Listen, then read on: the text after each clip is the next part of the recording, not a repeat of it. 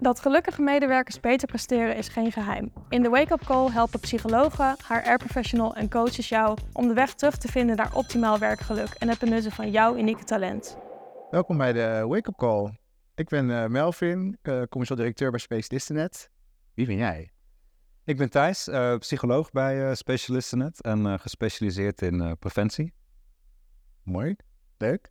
Um, om te beginnen wil ik je eerst even vragen, hoe ben jij vandaag wakker geworden? Oh, hoe ben ik vandaag wakker geworden?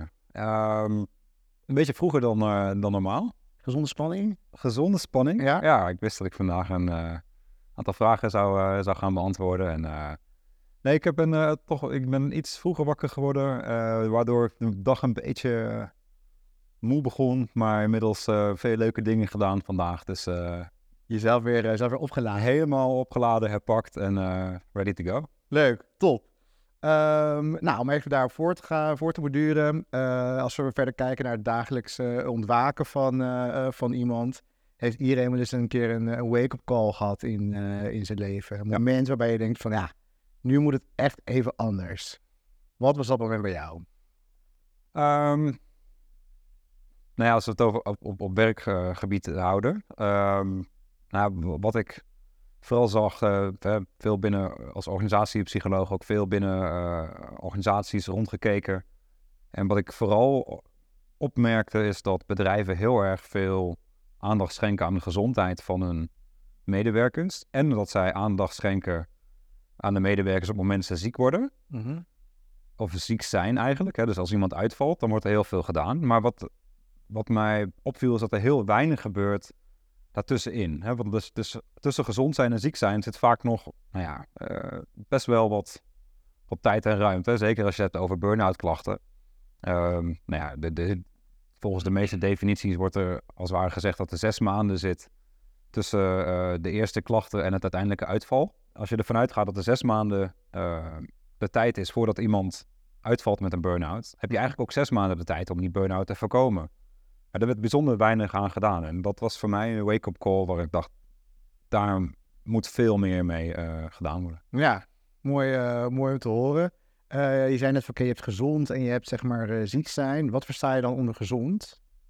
Nou, gezond zijn is dan, bedoel ik eigenlijk zonder klachten. Dat is medewerkers die zonder klachten, die goed in hun vel zitten, die opgeladen zijn, die, die, die dagelijks zin hebben om naar hun werk te gaan. En ziek zijn, ja, dat, dat kan fysiek zijn, of, of, maar dat kan ook. En, ja, de mensen die ik ziek tegenkom, zijn toch meestal wel uh, mentale klachten. Ja. ja, en kun je dan een aantal voorbeelden noemen waarbij mensen of organisaties dat, uh, dat gezond zijn stimuleren? Wat, wat doen organisaties dan vooral? Wat, wat, wat hoor jij wat mensen aangeboden krijgen van hun werkgever bijvoorbeeld? Um, nou ja, dat, zijn, ja dat, dat, dat men wel stimuleert om uh, te werken aan leefstijl. Dus met hun eigen leefstijl bezig te zijn. En dan een gezonde kantine. Um, maar ja, ook soms wel trainingen. Hè, dus uh, weerbaarheidstrainingen of, of stresscur, stressmanagement. Dus, dus mensen kunnen, sommige bedrijven bieden een soort van scholing aan waarbij zij daaruit kunnen kiezen. Ja. Um, Oké, okay. dat soort dingetjes. En daartussenin is het eigenlijk een heel groot gat wat uh, jouw inziens uh, opgevuld moet, uh, moet worden. Ja, ja, vind ik wel, ja. ja. Ja, het is gewoon een gemiste kans. Kijk, als je, er ligt gewoon nog ruimte. Dus iedereen, de, de, arbeidsmarkt is goed. Mm -hmm. het is moeilijk om personeel te behouden. Ja. En wat ik ook heel erg zie is dat medewerkers die um, mentale klachten hebben en die dus eigenlijk het idee hebben van ik word een beetje ziek door het werk, ik heb veel werkstress die gaan verder kijken. Omdat de arbeidsmarkt zo goed is, die gaan gewoon kijken van, kan ik het ergens beter hebben? Ja, dat is een beetje vluchtgedrag. Ja, eigenlijk wel. Dat is de makkelijke manier. Je kan problemen uh, uh, oplossen door ervoor weg te lopen of door ze actief op te lossen. Nou ja, dat laatste vergt vaak meer uh, inspanning, of ja. volksmatig in ieder geval. Zeker als er conflicten zijn en mensen zijn wat conflictvermijdend, die gaan dan, zijn dan minder snel geneigd om die conflicten op te lossen. Dus wat zij, wat zij dan doen, ze gaan ja, solliciteren, om zich heen kijken. Nou, misschien is het ook wel weer eens tijd voor wat anders. Ja. Uh, nou, heel logisch. En als ze niks kunnen vinden, dan gaan ze in gesprek weer met de, met de, met de werkgever. Dan pas eigenlijk? Vaak wel. Oké. Okay. Ja. Leuk, uh, mooi inzicht. Ja. Um, nou, in het werkveld lijkt het uh, behalen van winst en productiviteit nog altijd uh, hoogste prioriteit te hebben. eh, deze tunnelvisie leidt af van eh, wat er echt bij de mensen gebeurt. Eh, dus mentale klachten die, eh, die ontstaan bij medewerkers, verzuimcijfers die lopen op. Ehm, moeten organisaties wakker geschud worden om, om hier wat aan te doen? Ehm, nou ja, een aantal organisaties zeker wel. Ik bedoel, uiteindelijk zijn eh, de medewerkers eh, toch je menselijk kapitaal. En je merkt ook dat als het verloop hoog is, eh, dat je kennis de deur uitloopt. eh, omdat je niet goed voor zich zorgt. En eh, wat ik net ook zei. Ja. Ehm, eh, dus de mensen gaan eerst verder kijken en dan pas in gesprek. Nou ja, als je die mensen kwijt bent, krijg je een heel hoog verloop. En, en eh, een brain drain, eh, als het ware, van je, in je organisatie. Eh, dus dat alle kennis eh, eh, wegloopt. Zonde. Zonde, want daarna moet je iedereen weer op. Je moet eerst iemand de kosten steken in het aannemen van mensen. Vervolgens Ja. moet je die opleiden. Nou ja, en voordat hij weer dezelfde ervaring heeft als de persoon die is weggegaan, ben je zo weer een aantal jaar, eh, jaar verder. En alleen dat zal al reden genoeg moeten zijn om, om daar actief mee bezig te zijn. Ja. Want wat doet bedrijven nou te besluiten om wel aan de bel te trekken? Dus wanneer komen ze wel bij jou langs eh, eh, als er uitdagingen zijn? Eh, soms uit ethische overwegingen. Dus zij hebben ingezien dat zij ehm, dat er manieren zijn om te voorkomen dat medewerkers ziek worden. Mhm. Nou ja, en dus die vragen zich dan af, als er, mede, als er manieren zijn om, om te voorkomen dat medewerkers ziek worden, mag ik dat dan nog laten gebeuren? Mhm. Nou ja, eh, eh, dat zie je wel eens. Het komt ook voor dat, mede, de- dat bedrijven een preventief medisch onderzoek doen. En dat daaruit naar voren komt dat er veel eh, psychosociale klachten zijn. Mhm. Ehm, dus dat, dat, dat er inderdaad dat er veel mensen veel stress krijgen door dingen die er in de organisatie gebeuren. Oké. Als dat zo is, dan is dat ook een reden vaak. Hè, dus ook in overleg met de arbodiensten. Hè, dan wordt er wel aangegeven van hey, hier- hier wil je, moet je wat meer mee, eh, mee gaan doen. Ja. En dan? Ja, dan eh, komen ze ofwel bij ons. Hè, dus dan willen ze een, of een verdiepend onderzoek op, op PSA-gebied, eh, psychosociale arbeidsbelasting. Nou, dan gaan we kijken van wat nou de oorzaken zijn van die klachten. En in hoeverre dat privéproblematiek is, eh, wat overigens ook een steeds groter eh, thema is. Mhm. Of in hoeverre het bedrijfscultuur is, in hoeverre eh, het, de aard van het werk is. Hè. Dus daar, kijk, op het moment dat, er, dat, dat iemand veel contact heeft met klanten, die, of, of iemand die steeds slecht nieuwsgesprekken moet doen. Ja, hoe kan iemand gefaciliteerd worden zodat hij minder van dat slechte nieuws of, of agressiviteit van, van de klanten hoeft te, te absorberen, als het ware? Oké. Interessant. Ehm, in welke, welke staat bevinden medewerkers eigenlijk, zich eigenlijk als ze bij jou langskomen? Zie jij in de afgelopen jaren dat er verschil zit in wat voor problematiek je bijvoorbeeld naar voren eh, ziet komen in de gesprekken die je hebt? Ehm, eigenlijk zie ik steeds meer privé-problematiek. Oké. Eh, mensen lijken het zwaarder te hebben eh, dan, dan eerst. De gevallen worden ook eh, steeds, eh, steeds zwaarder. En dat zal deels misschien te maken hebben door de wachtlijsten in de, in de geestelijke gezondheidszorg. Hè. Dus dat, eh, dat, ehm, dat het eigenlijk voor... eh, kijk, op het moment dat een wachtlijst zes maanden is, hè, wat, wat echt al geen uitzondering meer is. Hè. Soms Mhm. is het een jaar. Hè, dat de werkgever dan zegt van... Hey, eh, we kunnen je ook helpen. Nou ja, die komen dan soms aan mij terecht. En dan denk ik, ja, weet je, dan doe je best, dan maak je er het meeste van. Maar je merkt wel dat, dat die mensen eerder voor die tijd de zorg in gingen. En dat ze nu ook soms eh, bij mij komen. Ehm, Ik kan me voorstellen dat een werkgever op een gegeven moment denkt van oké, je hebt eh, werk, je hebt privé, dat werkstuk, dat, eh, daar ben ik verantwoordelijk voor, daar moet ik wat mee als werkgever. Maar het privéstuk, ja, dat houdt een keertje op. Ja, nou ja, dat is, dat is een goed punt. Dat is een goed punt. Maar ja, kijk, op het moment dat een werknemer waardevol is voor jou als organisatie, kijk, en hij heeft het thuis heel zwaar, dan neemt hij. Kijk, je hebt één mentale gezondheid. Iemand is mentaal gezond of mentaal niet gezond. Je bent niet mentaal gezond op je werk en mentaal ongezond thuis of andersom.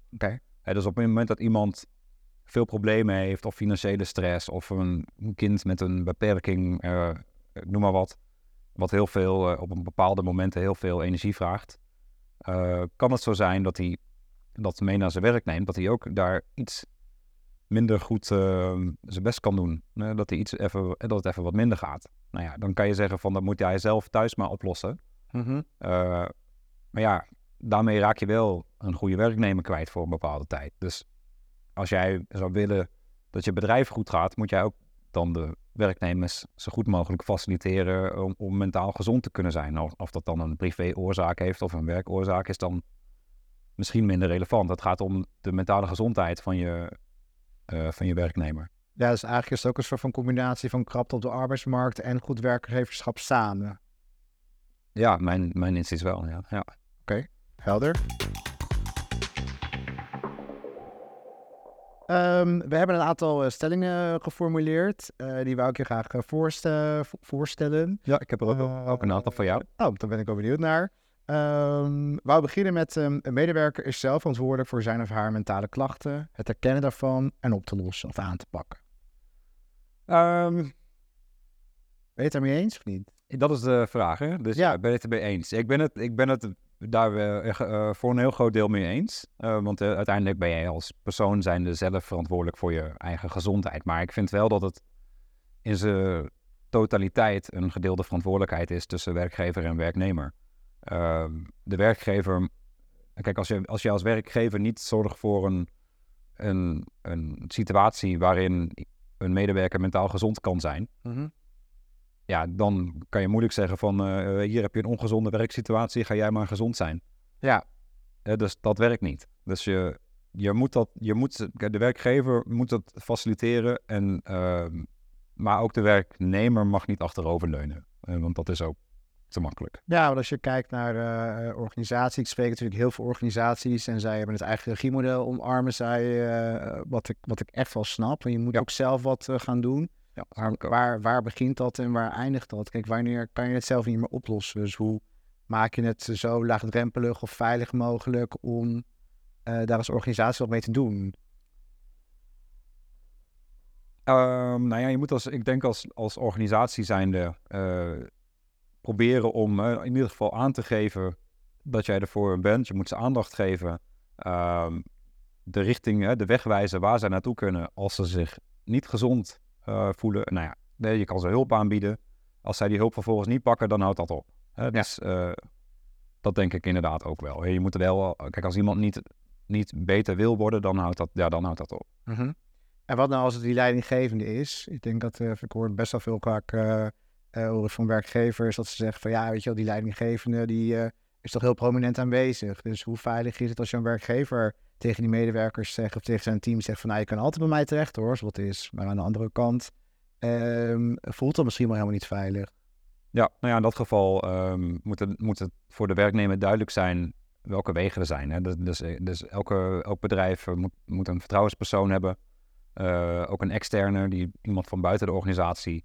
Nou ja, en het moet voor iedereen duidelijk zijn waar zij die vertrouwenspersoon kunnen vinden. Ja. Kijk, en dan eh, de, het is dan de vertrouwenspersoon om die persoon verder op weg te helpen. Van hoe, eh, hoe ga je met bepaalde zaken om, waar kan je terecht? Nou ja, dat kan, misschien soms kan het een bedrijfsarts zijn. Soms kan het iemand van de HR-afdeling zijn. Soms kan het de manager van de manager zijn. Ja. Eh, soms misschien gewoon een collega die, die weet hoe, hoe, hoe, het, hoe, de, hoe het ruilt en zeilt. Oké. Mooi. Oké, heb ik een stelling voor jou.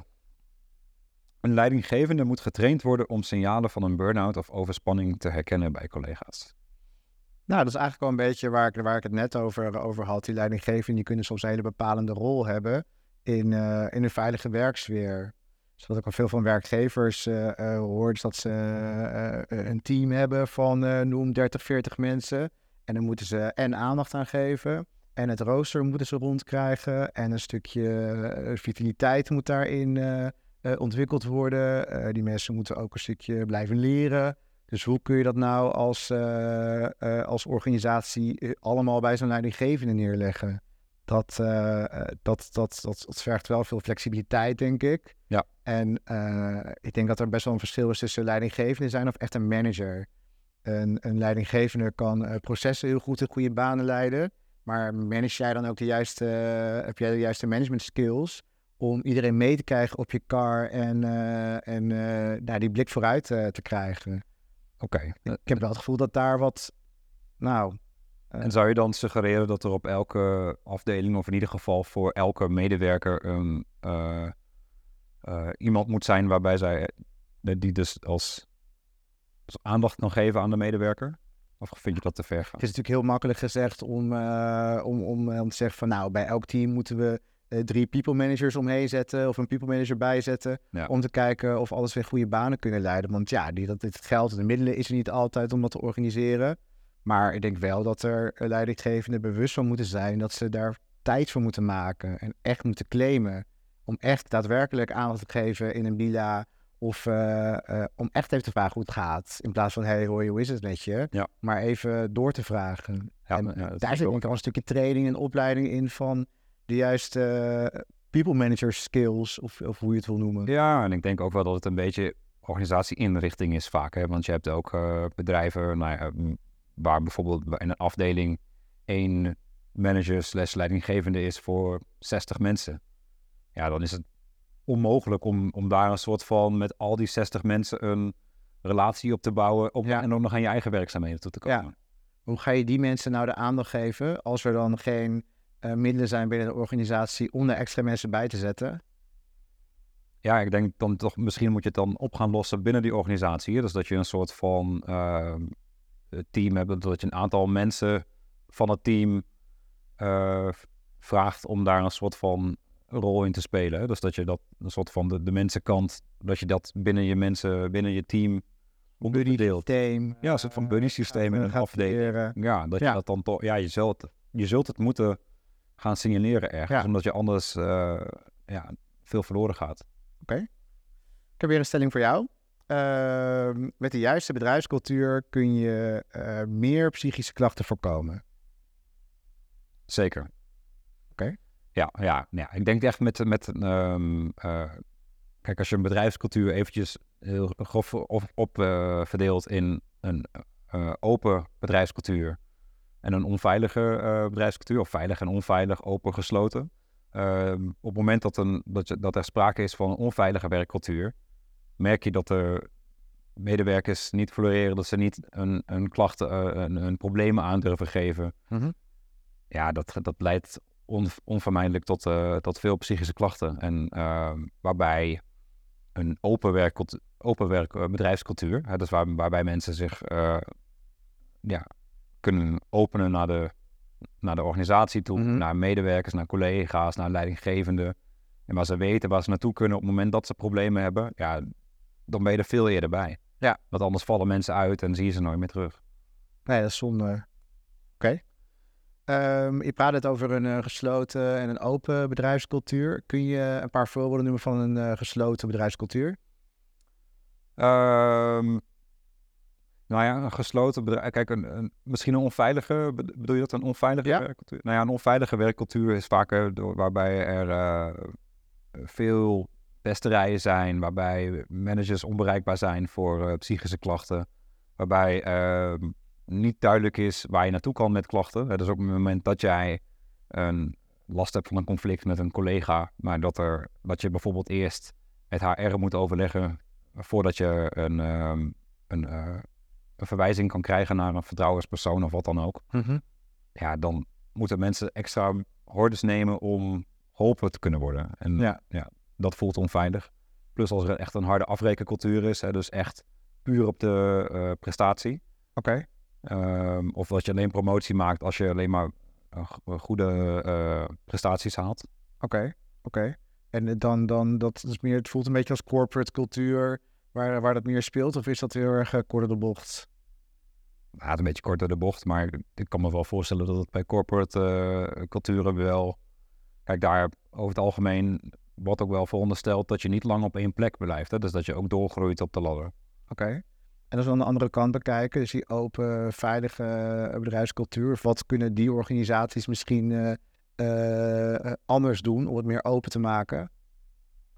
Ehm, nou ja, in ieder geval echt zorgen. Dus, dus nou ja, een, een, ik, zou, ik zou beginnen met een, met, een, met een onderzoek naar de psychosociale arbeidsbelasting. En dus dat je eigenlijk in kaart krijgt van wat is er nou, wat speelt er nou eigenlijk en wat is er een probleem en wat is geen probleem. Ja. Zijn de leidinggevenden het probleem? Is, de- is, is de routing een probleem? Dus van waar ga je naartoe met je klachten en waar kan je naartoe?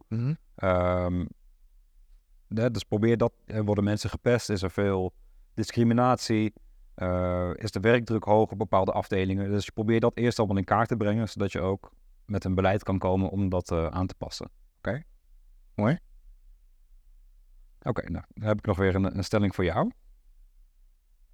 Werkgevers zijn vanwege de vele wet- en regelgeving geneigd om vooral alleen aan hun verplichtingen te voldoen. Wanneer het komt op, aan Ja. op mentale Oké. Nou, ik denk eh, ja en nee. Eh, ik denk dat we met z'n allen als werkgever, of als, ja, als werkgever heel erg opgezadeld worden met eh, heel veel regels, heel veel onderzoeken en checks en risico-inventarisatie en psychosociale arbeidsbelasting, Eh, dus, dus ik denk dat heel veel bedrijven heel graag aan alle regels willen voldoen. En dat dat al best wel veel werk is om te organiseren samen met je arbodienst of andere partners. En eh, om, om dan de mens, waar het eigenlijk om gaat, dus die medewerker, nog voorop te zetten buiten al die regels om, lijkt me heel lastig. Ja. Want je wil aan al die dingen voldoen, maar hoe doe je nou ook het beste voor je mensen? Dus ik denk dat het best wel een soort van onoverzichtelijk landschap is waar je allemaal aan moet voldoen. Dus hoe kun je dat nou gladstrijken of inzichtelijk maken van nou, dit zijn dingen die je moet doen.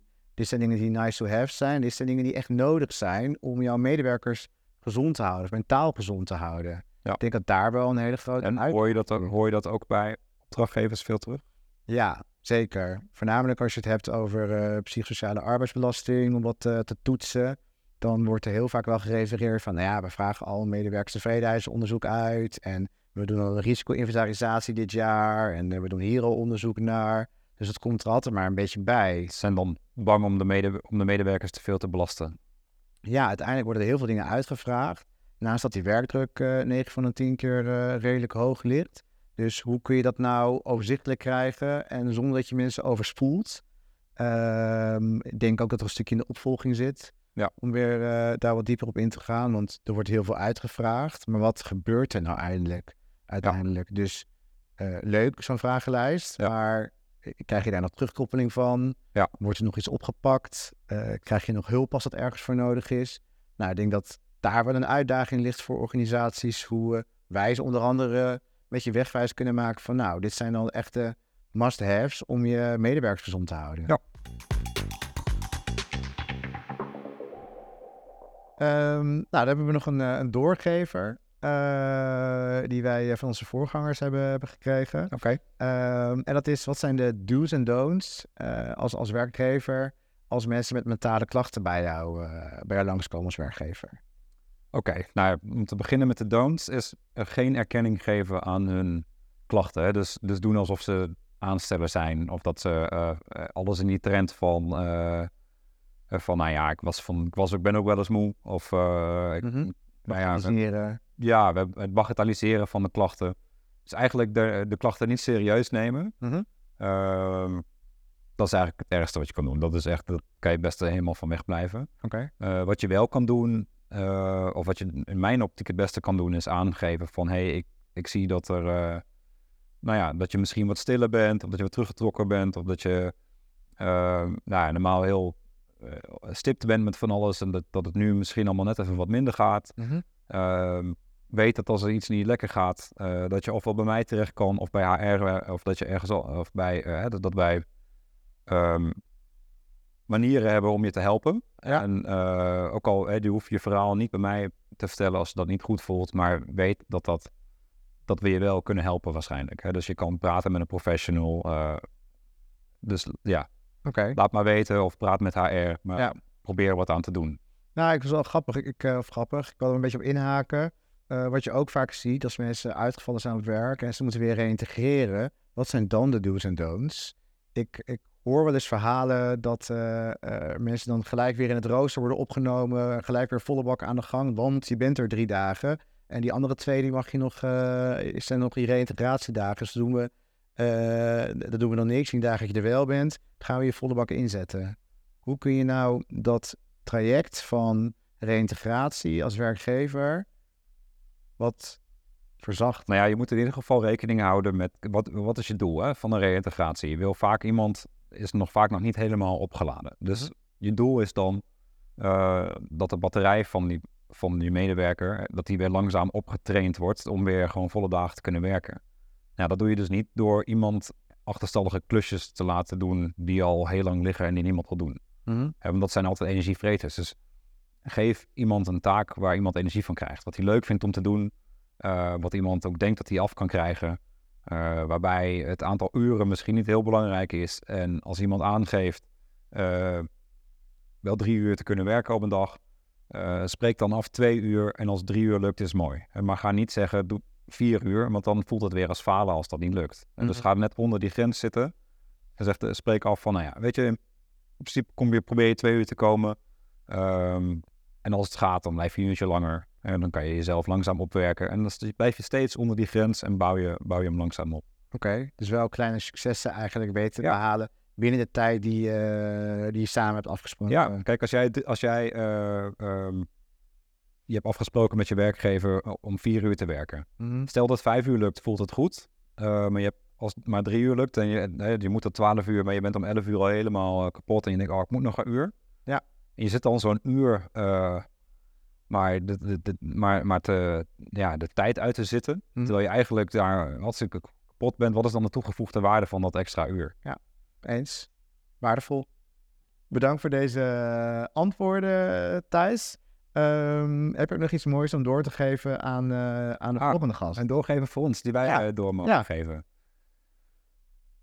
Nou, ik zou eh, wel benieuwd, ik ben altijd benieuwd naar wat, ehm, wat doe jij aan mentale gezondheid? Oké, dus de volgende gast moet die, die vraag gaan, Ja, gaan beantwoorden. dus bijna iedereen doet wel specifiek iets om mentaal gezond te blijven, denk ik. Ja, Wat doe jij dan? En anders is het goed om daar eens over na te denken. Ja, maar wat doe jij dan? Ik ga eh, eh, voldoende bewegen. Ehm, ik ga sporten. Ja. Ja, dat is Ook hetzelfde. bewegen, ja? Anders nog iets? Ik ga voldoende eh, bewegen. Ik ga even niks doen. Ik plan, ik verschuif afspraken in de ochtend, zodat ik soms even extra op kan laden. En dan ga ik het soms in de avond nog wel inhalen. Maar dan merk ik dat ik daardoor net weer niet met 1-0 achter begin, maar met gelijkspel. Wat doe jij vandaag voor je mentale gezondheid? Dat is een goede vraag. Ja, vandaag vond ik een spannende dag voor mijn mentale gezondheid. Dus eh, misschien telt die niet helemaal, eh, helemaal mee-. Maar ehm, eh, ik ga ook sporten. Ik zwem graag. Dus dat is altijd wel een beetje een soort van reset momentje voor mij.